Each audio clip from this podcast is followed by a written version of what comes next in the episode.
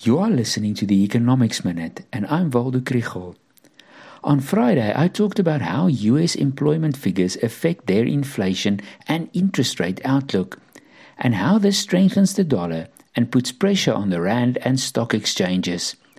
Their so called non farm payroll data was released late on Friday, and it looks like our trouble will continue.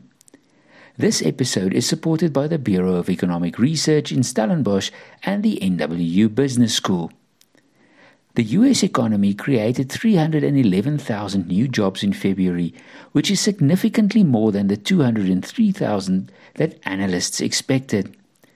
Over the 12 month period, average hourly earnings rose by 4.6%.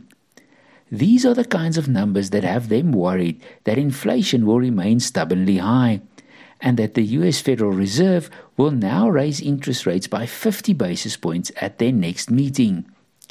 Tomorrow, their inflation data for February is released, and it's expected that it, the inflation rate decreased from 6.4 to 6%.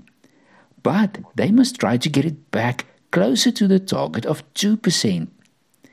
Here in South Africa, we are rightly concerned about the financial impact in other words, that their high interest rates and a strong dollar will drive our own inflation and interest rate cycle.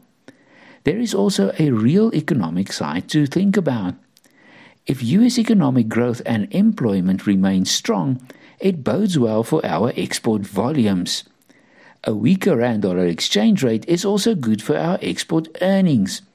With all our domestic challenges, the international economy is one of the few rays of hope for growth this year.